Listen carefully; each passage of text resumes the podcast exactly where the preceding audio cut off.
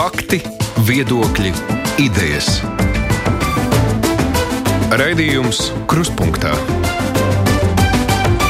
ar izpratni par būtisko. Studijā Mārija Ansone. Šodien mēs runāsim par jauno pašvaldību likumprojektu, kas pat labāk tiek skatīts saimā. Pēc administratīva teritoriālās reformas pašvaldību skaits būs krietni mazāks, turklāt vēlēšanās vairs nevarēs piedalīties vēlētāju apvienības, kas ir raisījis bažas, ka pašvaldību dzīvi tagad kūrēs lielās partijas. Jaunā likuma izstrādātāja sola nodrošināt lielu iedzīvotāju iesaist lēmumu pieņemšanā, un kā tas notiks un kādas pārmaiņas vēl sola jaunais likums, par to mēs runāsim šodien raidījumā. Kopā ar mums ir Latvijas Pilsoniskās alianses direktore Kristīna Zonberga. Labdien! Labdien! Tāpat arī vidas aizsardzības un reģionālās attīstības ministrijas valsts sekretāra vietniece Ilze Oša. Labdien! Labdien! No Latvijas pašvaldības savienības padomniece juridiskajos jautājumos Kristīna Kīņča. Labdien! Labdien! Un tāpat arī domnīcas providus pētniece Līga Stafecka. Labdien! Labdien! Man vispirms jautājums Ošas kundzei. Es jau minēju, ka lielāka novadī, pa, mazāks pašvaldību skaits nebūs vēlētāja apvienības un bažas, ka lēmumu pieņemšanā tad mazāk piedalīsies vietējie cilvēki. Nu, jaunais likums tad padarīs uh, lēmumu pieņemšanu tuvāku vietējiem. Jūs varētu ieskacēt galvenos instrumentus, kā tas varētu notikt. Jā, paldies. Es varbūt tādu vienu atkāpu pie vēlētāju apvienībām. Tas patiešām ir viens jautājums, kas, kas tika diskutēts, vai arī turpmāk šādām apvienībām būtu vai nebūtu, bet ne pašvaldību likuma kontekstā, bet tieši saistībā ar administratīvu teritoriālo reformu. Un šis jautājums tika skatīts arī no mūsu puses argumentēts kopsakarā arī ar satversmes tiesas izskatītajām lietām, kurās tika vērtēts vēlētāju apvienības nozīme vietējās pārvaldes, nu, vietējā pārvaldīšanai, tā var teikt. Un viens no tādiem galvenajiem aspektiem par šiem, par šiem vēlētāju apvienībām um, tika sasaistīts ar salīdzinoši mazām pašvaldībām, kur tiešām konkurence un arī vēlme šo teritoriju pārvaldīt nav tik liela. Un tad nu, ir tas vietējā iedzīvotāja uh, iniciatīva pār savu teritoriju, uzņemties atbildību un pārstāvēt arī pārējos savas teritorijas iedzīvotājus. Mm, reformas viens no mērķiem patiešām bija padarīt pašvaldības gan teritorijas, gan arī finansiāli spējīgākas, lielākas, un līdz ar to radot konkurenci un vēlmi pār viņām pieņemt šos lēmumus nu, tā profesionāli. Un, un, un skatāmies, ka šodien arī bija pirmā preses ziņa, vismaz, ko es redzēju, ka tā konkurence vēlēšanās ir, ir lielāka un, un nu, tā, tās piedāvājums cilvēkiem izvēlēties ir lielāks. Bet, nu jā, tajā pašā laikā nu, cilvēki, kas dzīvo tādās nomaļākās pašvaldībās, īpaši, ja tās ir jaunas, pienākušas klāt tam lielākiem veidojumam, ir bažas, ka nu, viņi tad tiks aizmirsti. Nu, tad ko piedāvā šis likums, lai viņi netiktu aizmirsti? Faktiski tās bažas bija arī pirms iepriekšējās reformas Fakts, nekas jau nav mainījies. Arī tad bija šī situācija, kad iedzīvotāji teica, mēs varbūt nebūsim pārstāvēti. Un tādēļ viena no tādām lielām sadaļām jaunajā pašvaldību likumā, likuma projektā, ko, pie kā šobrīd strādās saima, bija sabiedrības informēšanas un iesaistas sadaļa pašvaldību darbā. Un te patiešām ir vairākas jaunas lietas, varbūt ne tik daudz tādā kopējā teritorijas pārvaldīšanā, cik iespēja iedzīvotājiem no katras vienas teritoriālās vienības, kas var būt pilsēta vai pagasts, piedalīties lēmumu pieņemšanā ar iedzīvotāju padomus starpniecību. Mēs joprojām runājam, protams, par projektu, jo to sēmu vērtēs, bet nu, no ministrijas tas piedāvājums bija par iedzīvotāju padomēm un par līdzdalības budžetu. Nu, tad, protams, ir vēl dažādi instrumenti, kā publiskās apspriešanas kolektīvais iesniegums. Bet man šķiet, ka tās būtiskākās divas šodien, nu, ko gribētos uz, uzsvērt, ir līdzdalības budžets un iedzīvotāju padomas. Jo līdzdalības budžets būtu tas, kur mēs redzam, ka viena vai otra vietēja konkrētas teritorijas vajadzība var tikt ar noteiktiem naudas līdzekļiem finansēt, un iedzīvotāji paši izlems, kam. Un otrs, šī iedzīvotāja padoma savukārt ir tā, kas var rosināt vēl arī citus jautājumus, kas tai konkrētajai vietai un mēs negribam viņu saukt par nomali, bet, bet, bet jebkurai, jebkurai vienai mazai teritoriālajai vienībai, kura nu, varbūt nav tiešām ar, ar vēlēšanās ar savu nu, deputātu pārstāvēta, bet kad viņai ir tiesības domē būt klāt pie jautājumiem un teikt, mums, mūsu konkrētai vietai, mūsu konkrētam pagastam, šis jautājums ir ļoti aktuāls. Tāpēc skatām arī šo. Te, tas varbūt ir divas tādas būtiskākās, um, būtiskākie instrumenti, ko likuma projektā mēs esam iekļāvuši un par ko mēs esam arī ar, ar partneriem, jūs arī šodien esat aicinājuši sarunā un diskutējuši un, un kopīgi strādājuši. Jā, mēs abām šīm sadaļām iziesim smalkāk cauri. Es ceru, ka ne tikai šīm divām lietām.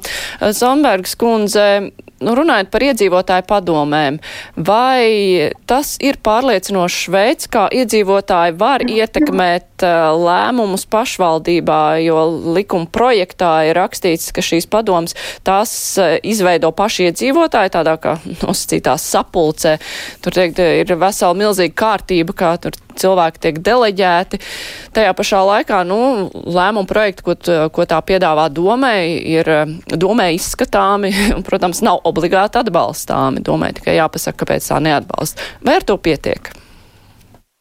Jā, nu tā ir tāda līdzšinējā vispār pieredze ar dažādām sabiedrības līdzdalības formām, un, kas arī ir jaunajā likuma projektā iekļauts, un kā, kā jauninājums ir šīs iedzīvotāju padomas.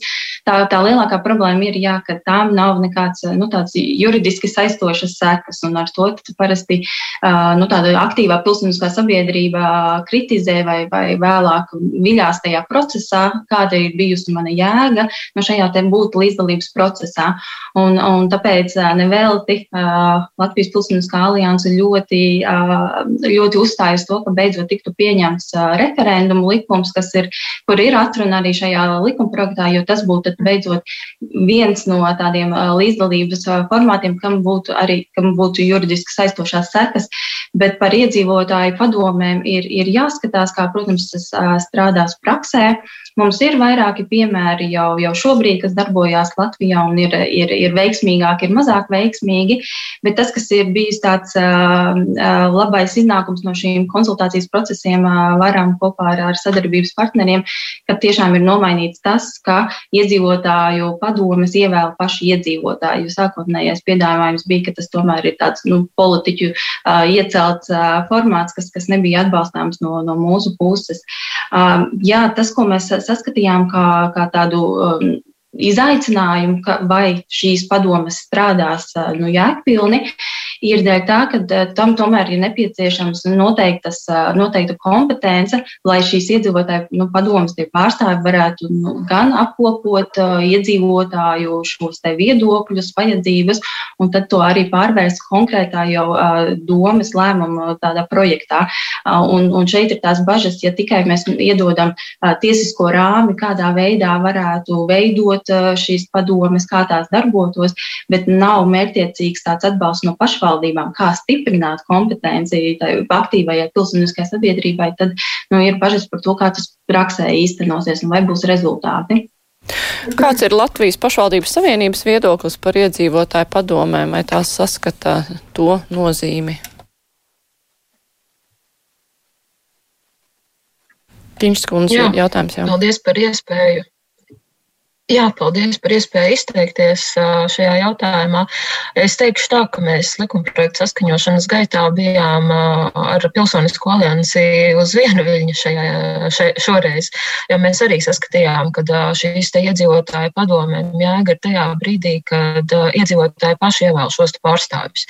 Bet, Mums jau, protams, uztrauc arī tādas daudz praktiskākas lietas par to, cik izmaksās šo padomu uzturēšana, kādas ir šīm padomēm funkcijas un kādas ir, kāda ir viņu uzdevumi un ko tad īsti iedzīvotāji šajās padomēs lemt, varēs lemt un kāda būs arī šo jautājumu teiksim tā, līdzīgi kā pilsoniskajā aliansē, jautājums par šo juridisko spēku. Um, Līdz ar to tās ir tās mūsu lielākās bažas. Uh, kā jau arī minēja, jā, jau šobrīd mums ir pašvaldības, kurās ir uh, kaut kas ļoti līdzīgs, kas strādā veiksmīgāk vai mazāk veiksmīgi.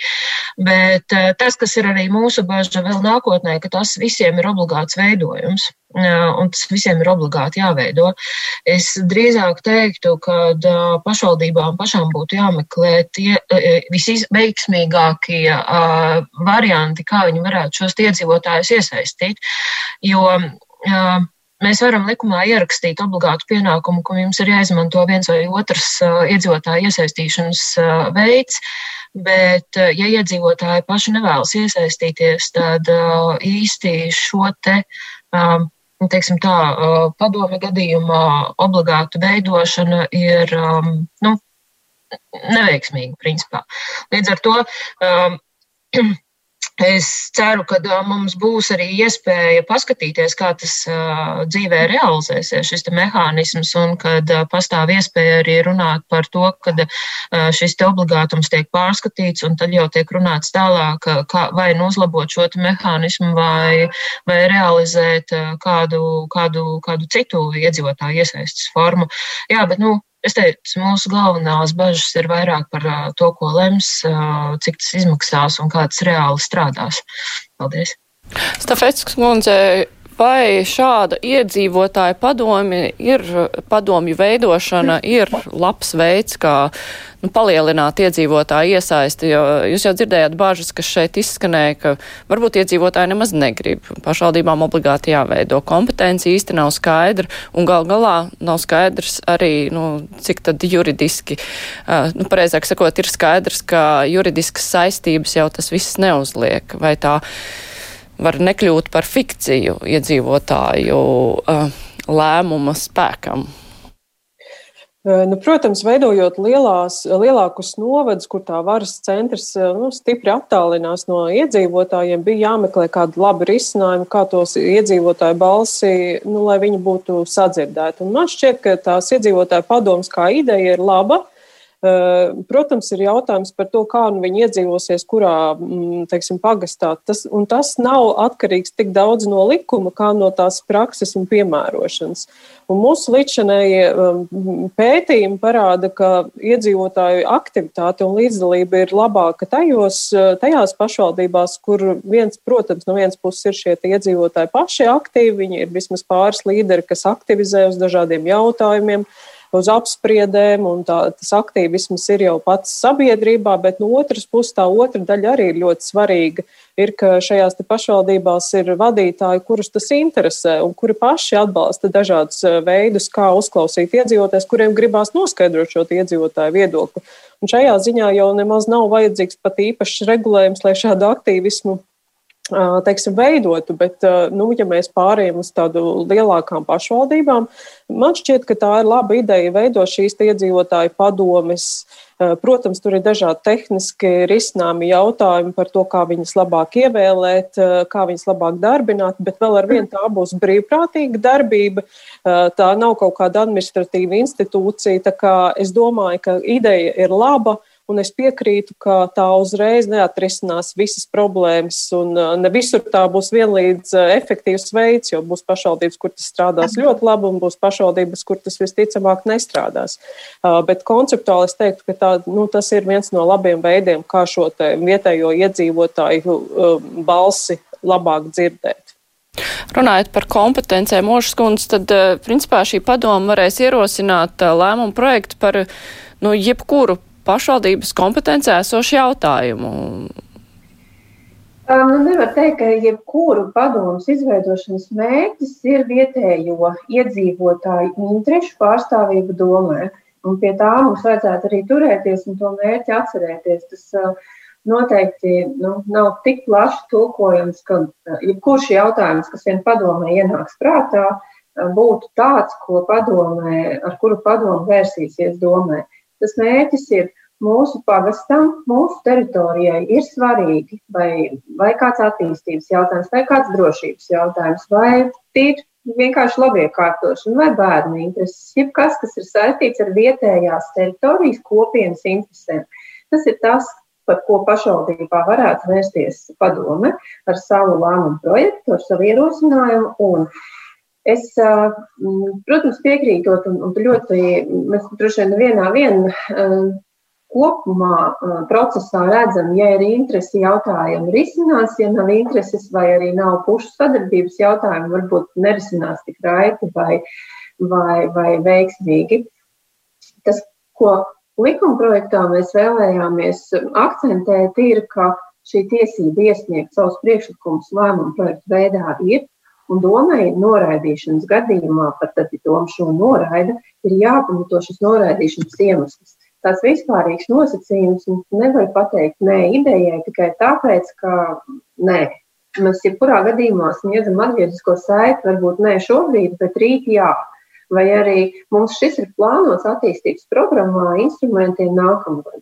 Nu, teiksim, nu, man liekas, ka tā ir tā būtiskākā lieta. Jo, protams, ka mēs jau arī rēķinamies ar situāciju, ka ne visas vietējās kopienas idejas varēs realizēt. Tādu būs daudz, teritoriālās iedalījuma vienības jau būs ļoti daudz pašvaldībā. Un ne katru vienu tu varēs realizēt to līdzi šobrīd.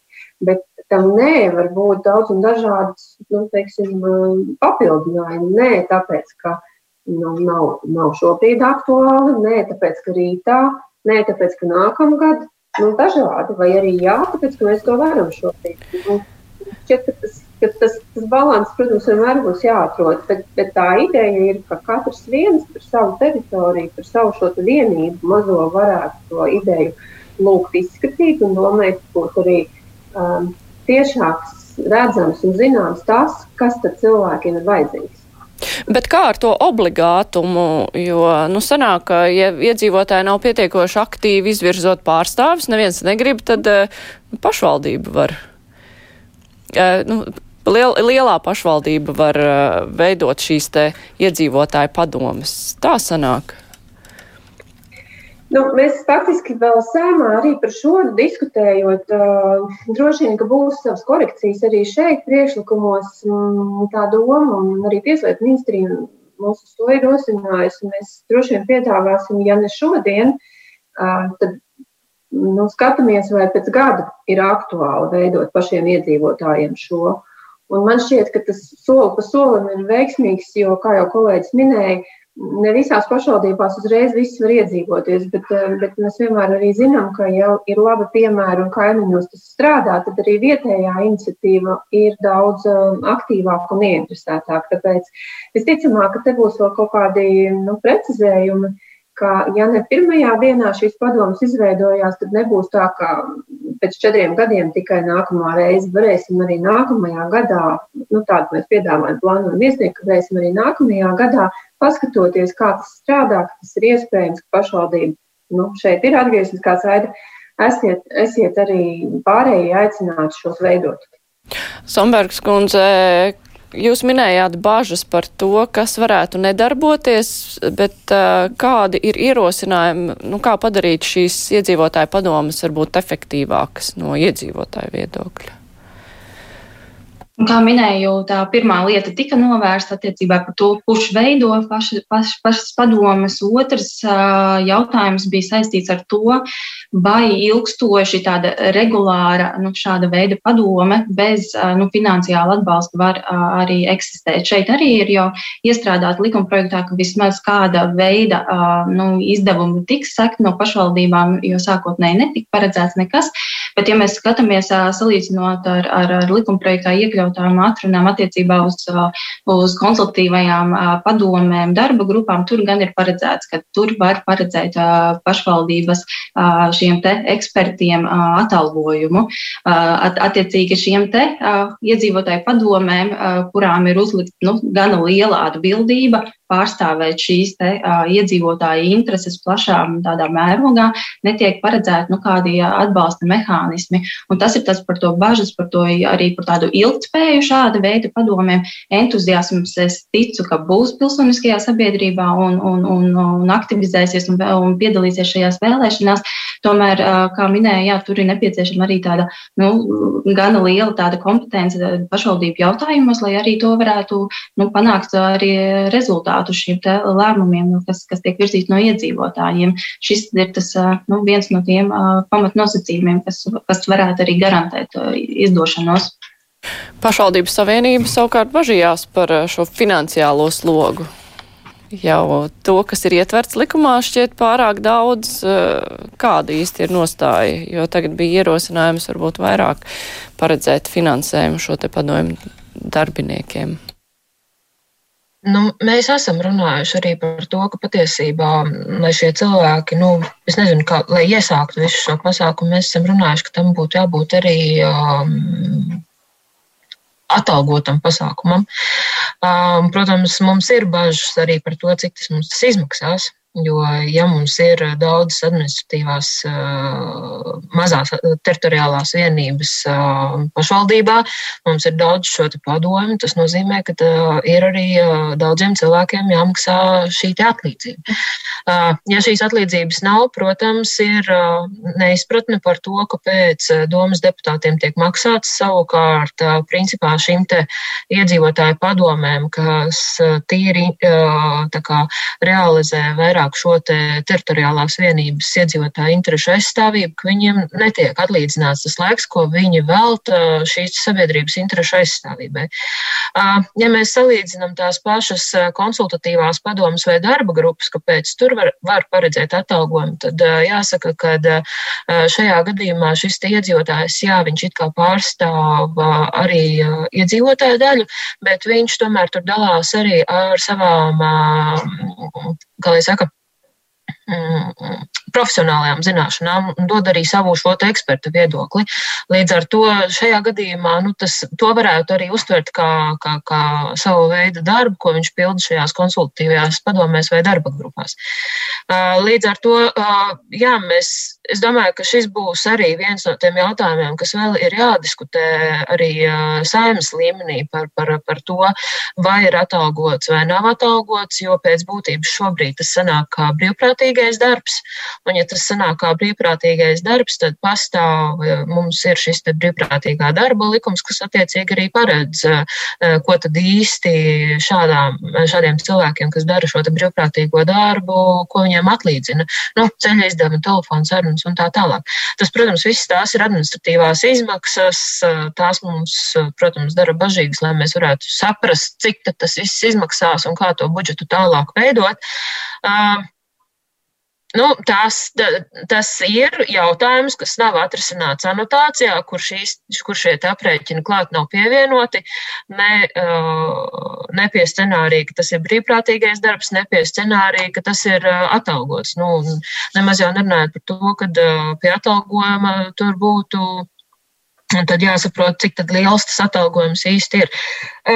Tā ka jā, finanšu jautājumos mēs vienmēr esam, esam ļoti piesardzīgi, mums ir ne tikai jānodrošina šī iedzīvotāja iesaist, bet mums ir arī citas funkcijas, kas ir, kas ir jārealizē un jāpilda. Un ir šī bažas par to, kā to visu līdzsvarot un, un, un, un salāgot. Acīm redzot, saimā jau var noteikti notiks likuma slīpēšana, bet nu, galvenā lieta, kas šeit izskanēja no gandrīz visiem runātājiem, ir tā, ka dzīve rādīs un iedzīvotāju aktivitāte rādīs, kā šīs iedzīvotāju padomas iedzīvosies, bet eh, ejot tālāk, runājot par iedzīvotāju iespēju ietekmēt, kas notiek pašvaldībā, vai tas ir pilnvērtīgi iespējams, ja nav pašvaldību referendumu. Šajā likumā ir atsauc uz to, uz pašvaldību referendumiem, tajā pašā laikā likums saimā nekādīgi no turienes netiek laukā, ja tā var teikt. Tur jau gadu gadiem notiek strīdi, ja tajā skaitā arī par ietvaru, kas šādā referendumā būtu jālēmj. Tagad ir laiks pasteikties ar šo lēmumu Stafetskas kundze. Nu, patiesi, ja mēs runājam par tādu vietējo demokrātiju, tad iespējams pat vēl būtiskāks ir jautājums ne tik daudz par šiem specifiskiem instrumentiem, kas ir līdzdalības budžets vai iedzīvotāju padomas, bet tieši šie vietējie referendumi vai vēlētāju padomas, tie ir tādi daudz lielāki jautājumi, kas varētu būtiskāk mainīt to vietējo demokrātiju. Un mēs paši nesen veicām, pavisam nesen, 2020. gada novembrī SKDS aptauju un prasot iedzīvotājiem, kas ir tie instrumenti, kas, kas, ko iedzīvotāji gribētu vairāk redzēt vietējā līmenī, tieši vietējie referendumi ir tie, ko visbiežāk cilvēki piemin. Protams, ka būtu labi un būtu ideāli, ja šī referenduma jautājums beidzot tiktu atrisināts un nāktu tādā komplektā ar, ar jauno pašvaldību likumu un dotu nu, daudz plašākas iespējas iedzīvotājiem to likt lietā, jo tas būtu tas veids, kur varētu vistiešāk ietekmēt, jo visi pārējie instrumenti ir vairāk vai mazāk konsultatīvi. Tā kā, um, ja likumdevējiem ir šobrīd šāda te, um, griba, um, mēs noteikti būtu par un atbalstītu, ka arī vietējo referendumu jautājums virzās uz priekšu. Uh, tā kā noteikti tas ir tāds daudz kompleksās, kompleksās jautājums, un cilvēki paši arī uh, saka, ka jā, vietējie referendumi ir tas, ko mēs jau ilgi esam nocietušies un nevaram sagaidīt. Sombergs kundze, bet vai ir risks, ka šo vietējo referend, vietējos referendumos izskatāmo jautājumu lokus var tikt pārāk sašaurināts? Jūs droši vien sekojāt diskusijām, kas ir bijušas šo gadu garumā par vietējiem referendumiem, kāpēc tas arī visu laiku iesprūst parlamentā. Un tur ir runa par to, ka patieši par jautājumu loku, kas ir izskatām šādos referendumos, par ko jūs satraucaties to klausoties. Mūsu redzējumā, protams, mēs gribētu, lai ir pēc iespējas plašāks lokus, par, par ko vispār var iedzīvotāji paust savu viedokli, gan kad ir šis kā referendumā paredzētais, ir arī kādas juridiskās segas, gan arī, kad ir konsultatīvie, kā piemēram mēs esam arī rosinājuši, ka tad, kad ir konsultatīva rakstura, tad tomēr par budžeta jautājumiem iedzīvotāji var sniegt savu viedokli, jo tam tomēr pēc tam ir domas ziņā, vai to akceptēt vai nē. Bet attiecībā, jā, tas bija viens no jautājumiem referendumu likumam, kāpēc, kāpēc ilgstoši iesprūda saimas komisijā, bet par to jau vienojās 19. gadā, bet šobrīd, šobrīd ir tas šķērslis, par ko nevarēja vienoties kas būs šis te, platforma, caur kuru tad notiks šie balsojumi. Un tā arī mēs ir atkal ir gads pagājis riņķī un nekas, nekas nav pavirzījies uz priekšu. Mēs arī līdzīgi kā līgas, tāpēc, kad minēja, jā, ka mēs arī ceram, ka šis nāktu komplektā, kad faktiski būtu jaunais pašvaldību likuma projekts, kur piedāvāt virkni ar dažādiem līdzdalības formātiem, kas ir konsultīvi raksturi, un tad arī būtu šis te papildus šis te veids pašvaldību referendumu un tad iedzīvotāji varētu tad izvēlēties, kurš tad eh, katram būtu tas, tas piemērotākais vai nu, konkrētā jautājuma risināšanai. Ošas kundze, jā, Stafets kundze papildiniet un pēc tam jautājums. Var. Jā, es gribēju teikt, ka attiecībā uz referendumiem un jau jaunā likuma kontekstā varbūt tieši svarīgākais būtu jautājums, kas ir tie lemjošie eh, jautājumi, kurus tiešām iedzīvotāji var paši izlemt, jo ja mēs skatāmies uz tādu nepieciešamību konsultēties, tur gan jau mums ir diezgan daudz instrumentu, un arī jaunajā likumā ir paredzēts publiskās apspriešanas. Tā kā tādā konsultēšanās līmenī mums pašvaldībām jau šobrīd ir daudz dažādi rīki, kā to var izdarīt, arī caur aptaujām un, un, un vēl, vēl citādi. Bet būtu svarīgi vienoties, kas ir tie jautājumi, kurus iedzīvotājiem ir iespējas tiešām arī izlemt, kur nu, iedzīvotāji teiktais ir nu, arī tas lēmums, kas pašvaldībai tad ir jārespektē. Un par to jau arī ir tas lielais strīds, kāpēc šis eh, referenduma jautājums īpaši nevirzās uz priekšu. Oškundze, ir kādas cerības, ka no saimas šie likumi gan par referendumiem, gan jaunais pašvaldību likums varētu iziet komplektā vai, nu, kā saima lems tā būs? Es droši vien jā, atturētos no tādu konkrētu prognožu sniegšanas. Tas, uz ko mēs patiešām ceram, ka komisijā arī bija lēmums par to, ka priekšlikuma iesniegšanas termiņš pašvaldību likumam ir mēnesis. Un, un tad mums būtu vasara, kurā strādāt pie tā visa priekšlikuma apjoma, jo prognozējam, ka to būs samērā daudz, gan um, diametrā pretēji būs pašvaldību intereses, varbūt vienā otrā jautājumā.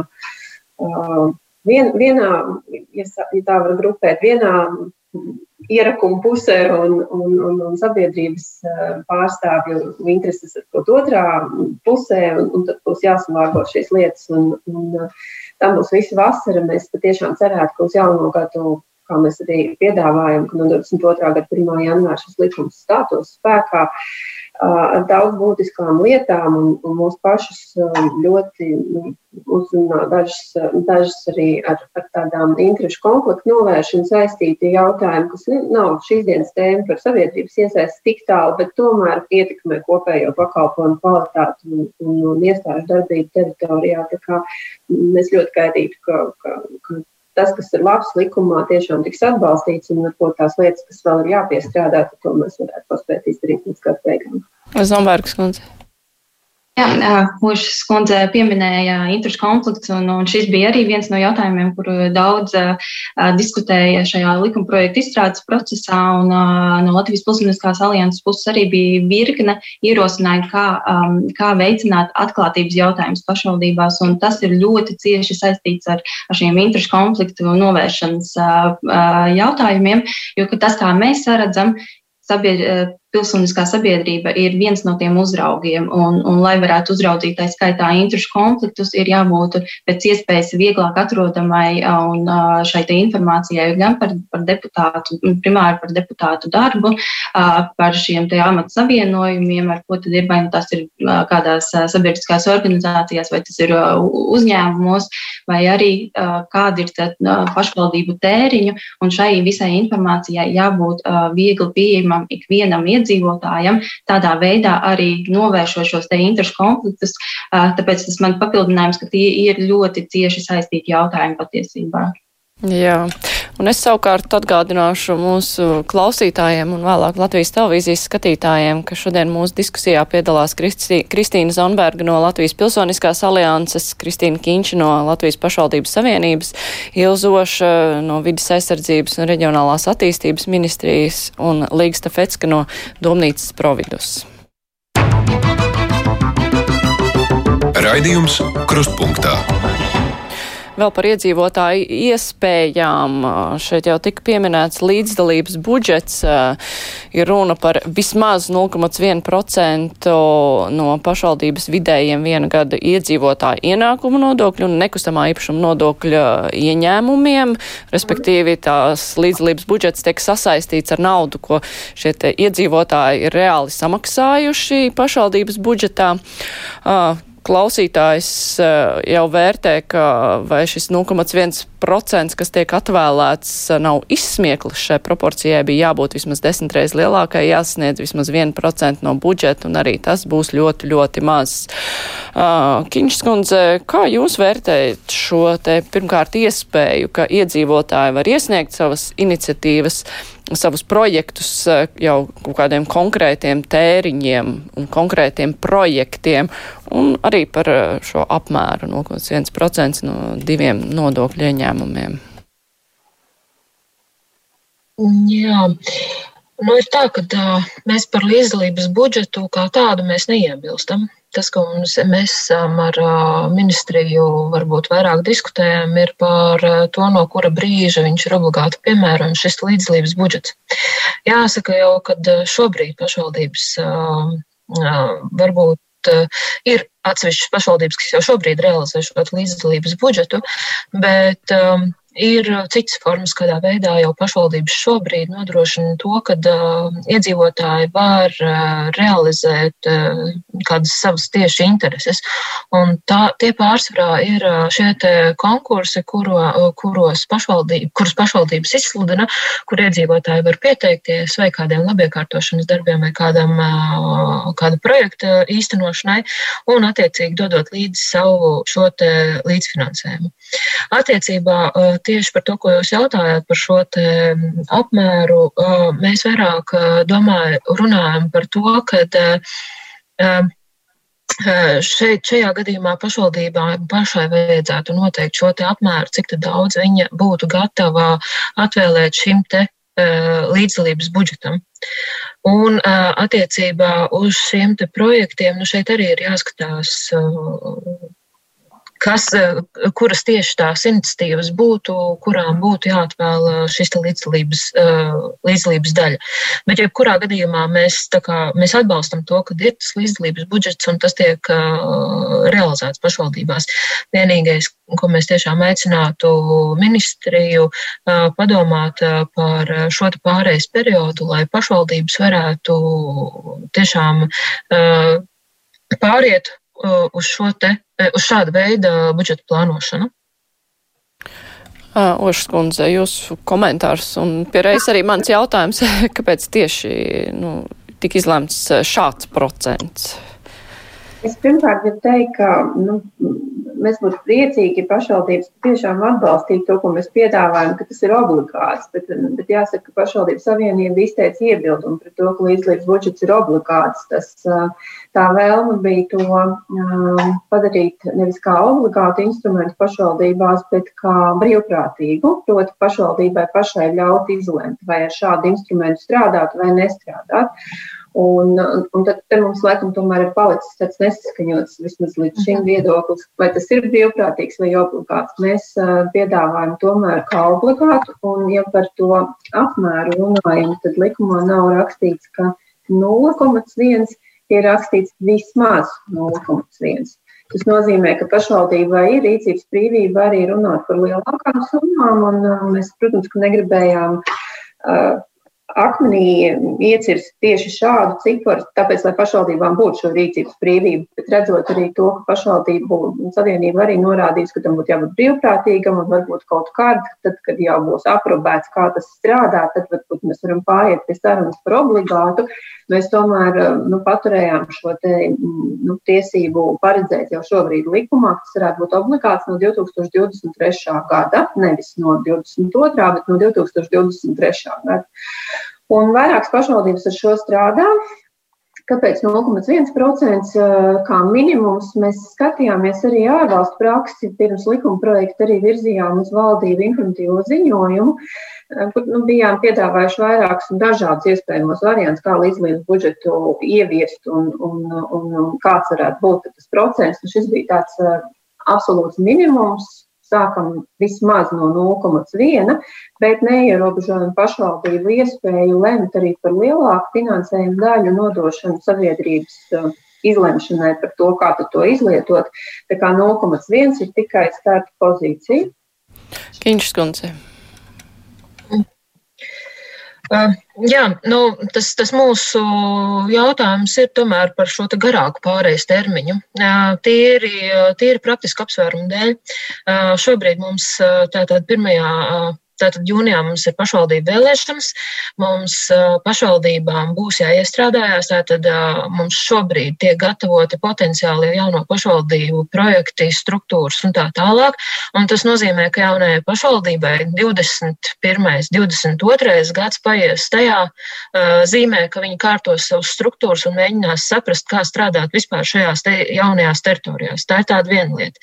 Ja mēs paredzam šo te buģ, obligātu jau šo te līdz veselības budžetu no 23. gada, mums sanāk tā, ka pašvaldības principā reāli nebūs varējušas iedzīvināt un paskatīties šo te līdzlīdz budžetu normālos apstākļos. Viņas būs strādājušas uz to, lai sakārtotu un nodzēstu ugunsgrēkus, kas nāk no teritoriālās reformas, bet tā, ka viņi jau strādātu uz to, lai varētu attīstīt šo pašvaldību un iedzīvotāju tātad vēl labāk realizēt iedzīvotāju intereses, tas vēl nebūs iestrādājies. Līdz ar to tā mūsu vēlme ir pagarināt šo te uh, brīdi, kad obligāti ir visiem jāpiemēro. Proti tās pašvaldības, kuras uh, reforma neskar, tās var sākt šo līdzdalības budžetu kaut vai rītā jau realizēt, bet tās, kuras skar attiecīgi šī reforma, viņām vajadzētu iedot šo laiku, lai viņas varētu pirmkārt sakārtot to pamatu, uz kura bāzes viņiem būtu jāstrādā, un tad attiecīgi jau tālāk runāt par to, ka viņi realizē arī obligātā kārtā šo līdzdalības budžetu. Tās, nav, tās ir tīri tādas praktiskas lietas, domājot, domājāt par to, lai pēc iespējas labāk uh, realizētu un izpildītu gan likuma prasības, gan arī sasniegt tos mērķus, kas ir bijuši tātad uh, ministrijai ieliekot šo instrumentu pašā likumā un attiecīgi arī realizēt šīs iedzīvotāju intereses. Kā jau minēju, mēs jau šobrīd, pašvaldības, jau šobrīd caur konkursiem jau iet tajā virzienā, bet lai realizētu to obligātā kārtībā, nu, es teiktu, ka uh, nevajadzētu steigties ar 23. gadu, bet padomāt mazliet par uh, vēlāku termiņu, vai 24. vai 25. gads. Stafēs kundze.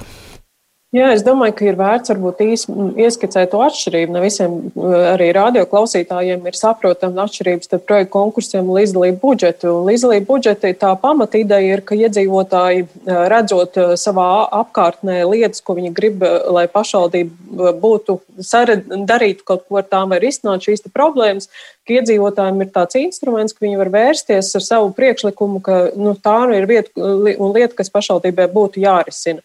Un tā iedzīvotāja līdzdalība ir tajā līdzdalība tajā lemšanā, bet uh, to. Um, kas tiks darīts un kas pašvaldībai, kas būs viņas prioritātes, arī iedzīvotāji paši izlemj, um, balsojot par tām idejām, ko viņi, ko viņu līdzgaitnieki citos pagastos ir ierosinājuši. Uh, un, un attiecīgi tās idejas, kuras ir ieguvušas lielāko iedzīvotāju atbalstu pašvaldībai, faktiski ir pienākums noteiktā laika posmā arī īstenot.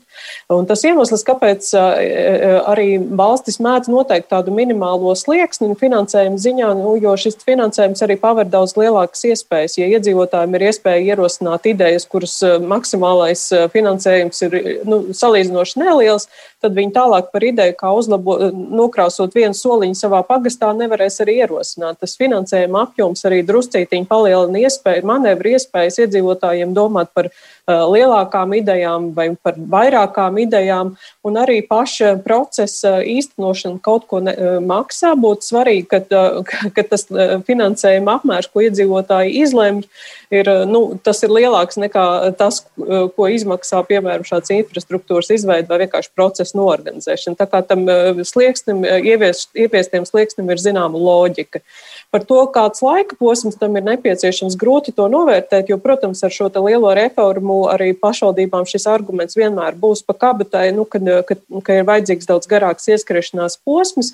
Tas droši vien ir tāds diskusijas jautājums, bet nu, labā ziņa ir tā, ka, nu, piemēram, arī tagad ejot cauri partiju programmām pirms pašvaldību vēlēšanām, mēs redzam diezgan lielu interesi arī ieviest šo instrumentu. Tā kā, ja būs attiecīgi tāds sastāvs vietējās pašvaldībās, tās, kurš ir atbalstošs, es ticu, ka šo instrumentu var izmantot arī salīdzinoši ātri un ieviest. Nu, par termiņiem droši vien arī saimā būs liels diskusijas, bet uh, viena nianse par uh, šo te projektu izskatīšanu, nolikumus, kā tas viss notiks, uh, kā šo naudu tērēs, nu, pieņems pašas pašvaldības. Uh, ir pašvaldības, kur tas 0,1% varētu kopā veidot tādu palielu summu, un vismaz es nekur neredzēju arī projektu griestus.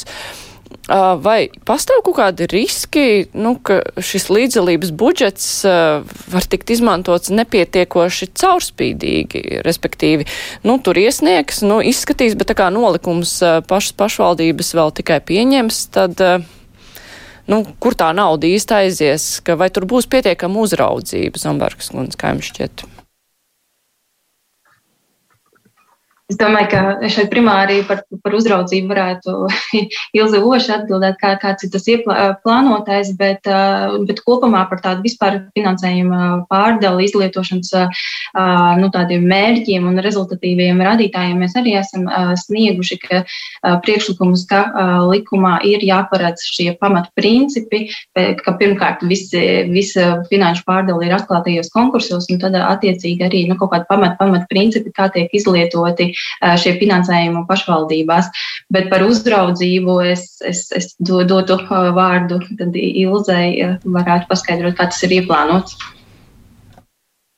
Jā, ja, ja, ja tas nonāca pie jā, jā, nonāca kā pie jums. Vienu, ar vienu vēl solīti atpakaļ, kas ir līdzdalības budžeta nolikums. Līdzdalības budžeta nolikums ir saistošie noteikumi. Un tas, ka mēs pievērsām arī ļoti lielu uzmanību jaunajā likumprojektā, ir kā top saistošie noteikumi. Mēs ņēmām pēc analoģijas netik tālu meklējot ministru kabinetu un likumprojektu izskatīšanu un apspriešanu, un vēlējāmies arī pašvaldību līmenī iedzīv, iedzīvināt to procedūru, kas gan ministru kabinetu noteikumu, gan likumprojektu izstrādē ir būtiska. Un tā pirmām kārtām ir sabiedrības līdzdalība tad, kad tiek izstrādāts projekts. Tad projekts tiek ievietots mājaslapā, sabiedrība var izteikties par pašu projektu. Un otra sadaļa pašvaldības aizstošiem noteikumiem ir paskaidrojuma raksts. Mēs spriedām, un te gan nebija iebildumi ne no viena, ka šim paskaidrojuma rakstam ir jābūt daudz detalizētākam gan no mērķu un uzdevumu viedokļa, gan arī no finanšu aprēķinu viedokļa. Proti, tā informācija ir jābūt daudz, daudz pamatotākai. Ja jūs paskatīsieties um, likumu par pašvaldību, pašvaldību likumu anotāciju, likuma projektu anotāciju, tā ir, ir ļoti apjomīgs dokuments ar skaidrojumu par katru vienu punktu, gan par mērķiem, gan par piemērošanu, daudz un dažādu aspektu, kas um, sas, saskaņošanas sanāksmēs arī tika iniciēti un kur mēs papildinājām, papildinājām šo anotāciju. Arī šeit līdzdalības budžeta nolikumam ir šī procedūra, ka tas tiek izdots ar saistošiem noteikumiem.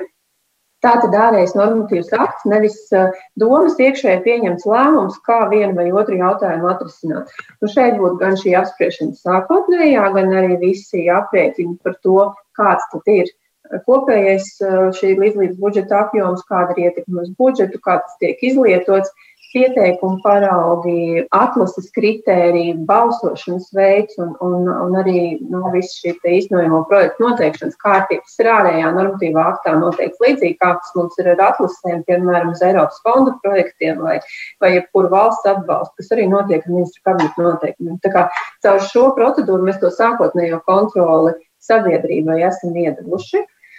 Nu, tas būtu tāds mans komentārs. Protams, pie ieviešanas, nu, tad, ja ir kādi strīdi, tad tie kā parasti tiek risināti vispārējā kārtībā, bet, bet katrā gadījumā tas nav iekšējais dokuments, tas ir ārējais dokuments, uz kuru pamata un, un pie visiem vienādiem un zināmiem kritērijiem šie lēmumi tiek pieņemti. Bet nu, tā sanāk, ka, ja ir tāda liela pašvaldība ar lieliem ienākumiem, piemēram, Rīga, nu, tur tas līdzdalības budžets tad varētu būt diezgan apjomīgs tad tur ir uh, vesels projekts, lai īstenotu šo projektu. Nu, tā. Rīga, Rīga, kā, Rīga kā reiz ir vienīgi, viena no divām pašvaldībām, kur ir um, šobrīd jau darbina šo instrumentu, un Rīga jau otro gadu ir mm, mm. ievieš līdzdalības budžetu, un, eh, protams, arī katrs gads kaut ko jaunu iemāca, lai to procesu uzlabotu, lai pielāgotos, eh, un, eh, un Rīga lielā mērā to ir būvējusi caur apkaimju aktīvismu un apkaimju biedrībām. Tā kā Rīgai jau ir divu gadu pieredze, un otra pašvaldība Latvijā ir Gulbena, kur jau šo instrumentu darbina, un arī tur ir pirmie secinājumi par to, kā tas strādā kurus arī var ņemt vērā. Ošas kundze, jūs gribētu papildināt? Bet tas bija kā reiz tas, ko gribēju minēt. Cik jūs pieminējāt Rīgā, piemēram? Jā, es eh, pavisam, pavisam īsi, tas neatiecās eh, tik ļoti uz sabiedrības iesaisti, bet eh, kas savukārt interesē vairākas klausītājus. Šie ir tie pieminētie izpildu direktori, kuru termiņš tiks ierosināts pirmkārt uz pieciem gadiem ierobežots un tikai divas reizes. Un tas ir saistīts ir pašvaldības, kur izpildu direktori, nu, var teikt, jau gadu desmitiem strādā. Kāpēc šāds lēmums tika pieņemts? Kāpēc ir, nu, kāpēc ir šis ietverts šajā likumā? Tas ir tāpēc, lai neaizsēdētos cilvēki. Nu, man šķiet, ka tas varbūt nebūtu tāds korekts tas salīdzinājums. Mēs skatījāmies kopējo sistēmu, kāda tiek veidota vispār publiskajā pārvaldē, un arī um, trešajā mūsu varā, kas ir tiesvara, kur uh, pie nozīmīgiem amatiem, un, un izpildirektora amats mūsu ieskatā ir tāds, jo tas ir viss saimnieciskā pāraudzība un arī kapitāla sabiedrība pāraudzība pašvaldībā, kur tad šie divi pilnvaru termiņi, 5 plus 5, būtu tāds saprātīgs laiks, kad, um, kad iestrādāties, izdarīt visu to labāko, ko var izdarīt, un tad nu, domāt, ka šī maiņa būtu, būtu labs veids, kādā nu, dot iespēju arī citiem un jauniem uzlabojumiem. Tā bija tāda kopējā varbūt, nostāja, kāpēc šie divreiz pieci gadi. Bet tas um, arī ir viens no nesaskaņotajiem jautājumiem, par ko droši vien Sēmas komisijā vēl būs diskusija, kā tad labāk ļaut izpildu direktoriem būt um, no šajās pašvaldībās uz neierobežotu termiņu. Kā jūs minējāt, mums ir pašvaldības, kurās izpildu direktors viens un tas pats ir vairāk kā 20 gadus jau. Mm, jāsaka, gan nav daudz tādu pašvaldību, tas ir mazākums. Bet, bet, protams, ka ir arī, ir arī šie desmit gadu termiņi, un, un, un attiecīgi mūsu piedāvājums, protams, nav ar atpakaļējošu datumu. Tātad, uh, jebkuram vienam, uh, vienam gadījumam. Būs vēl astoņi gadi plusā, iespējami. Jā, Kinčs kundze, vai kāds ir pašvaldības savienības viedoklis šajā jautājumā? Nu jā, šajā jautājumā mums ir tas, tas nevienošanās ar ministriju, jo mēs tiešām nesaredzam, kā var sasniegt ar šo te termiņu ierobežojumu to mērķi, ko, ko, ko ministrija lika kā pamatojumu, proti izpildvaras nodalīšanu no, no politiskās varas, nu, tātad lēmē vara no, no, no, no, no izpildvaras.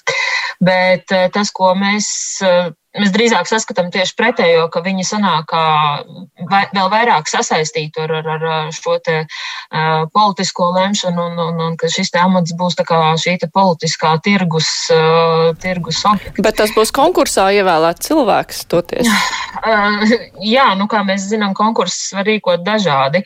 Uh, un, uh, Nu, tās ir tās mūsu lielākās bažas, bet jebkurā gadījumā pastāv joprojām jautājums par, par šo te. Mm, kas tad būs izpildirektors pašvaldībām? Jo šī diskusija pie šī te termiņa noteikšanas īsti nav notikusi. Mēs neesam runājuši. Mēs tā kā paliekam pie tā paša, ka izpildirektors realizēs tieši to pašu, ko viņš ir darījis līdz šim, bet skatoties uz to, ka šis termiņš tiek ierobežots, mēs vairs nevaram runāt par tieši to pašu. Un līdz ar to mums ir jāsaprot, kāda tad ir tā viņa loma pašvaldībā. Tā būtu viena lieta. Ja mēs runājam par termiņu ierobežojumiem, tad ir jārunā arī par sociālajām garantijām arī šiem izpildirektoriem. Jo līdzīgi kā pie lielo kapitāla sabiedrību vadītājiem, vadītājiem, viņi, ja viņi saprot, ka viņi ir kā pilnvarnieki šim te akcionāram, viņi rīkojās šī akcionāra vārdā. Tas nozīmē, ka viņi atstājot savu amatu, pēc tam saņem kaut kādas šīs sociālās garantijas. Viņi nav nodrošināti ar to, ka viņiem ir šis darbiņš. Līdz ar to tās tās lietas, kas būtu jādiskutē, manuprāt, vēl tālāk arī saimnes līmenī un jāsaprot, kādas ir tad tālāk izpildu direktora sociālās garantijas, ja saima atbalsta šo te termiņa ierobežojumu, šos divus termiņus, tad ir jārunā arī par to, kāda ir šī izpildu direktora loma. Un kā tad tiešām nodrošināt to, ka šis izpildu direktors vai izpildvara tiek no, norobežot no šīs lēmējvaras, kā to likuma projekta autori ir iecerējuši. Nu, katrā ziņā šeit ir iezīmējušies diezgan daudz jautājumu, kur acīm redzot sēmā ir gaidāmas diezgan pamatīgas diskusijas.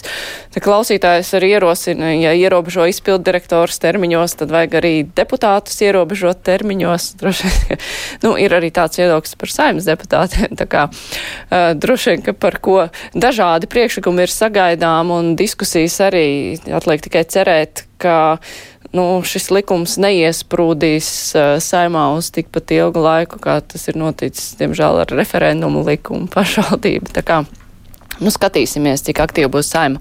Es teikšu paldies mūsu diskusijas dalībniekiem. Šodien kopā ar mums bija providus pētniece Līgsta Fetska, Ilzu Oša, vidas aizsardzības un reģionālās attīstības ministrijas valsts sekretāra vietniece, tāpat arī Kristīna Kinča no Latvijas pašvaldības savienības padomniece juridiskajos jautājumos un Kristīna Zonberga no biedrības Latvijas pilsoniskā alianse biedrības direktora. Paldies, ka varējāt piedalīties mūsu raidījumā. Īsi par rītdienu. Rīt mums ir amatpersonu iztaujāšanas diena, kad klausītāji arī var rakstīt savus jautājumus, un šoreiz runāsim par visas valdības darbu. Protams, ka būs jārunā par vakcinācijas procesu, arī par dažādu ministru darbību. Mums studijā būs, eh, nevis studijā, bet attālināti. Kopā ar mums būs ministra prezidents Krišāns Kariņš, tā kā varēsim iztaujāt viņu par visu, ko, visu, kas attiec uz valdības darbu. Raidījums ar to arī skan, producente Evi Junām, bet studijā bija es, Mārija Ansone. Mēs tiekamies arī rīt. Vislabu! Fakti, viedokļi, idejas. Raidījums Kruspunktā ar izpratni par būtisko.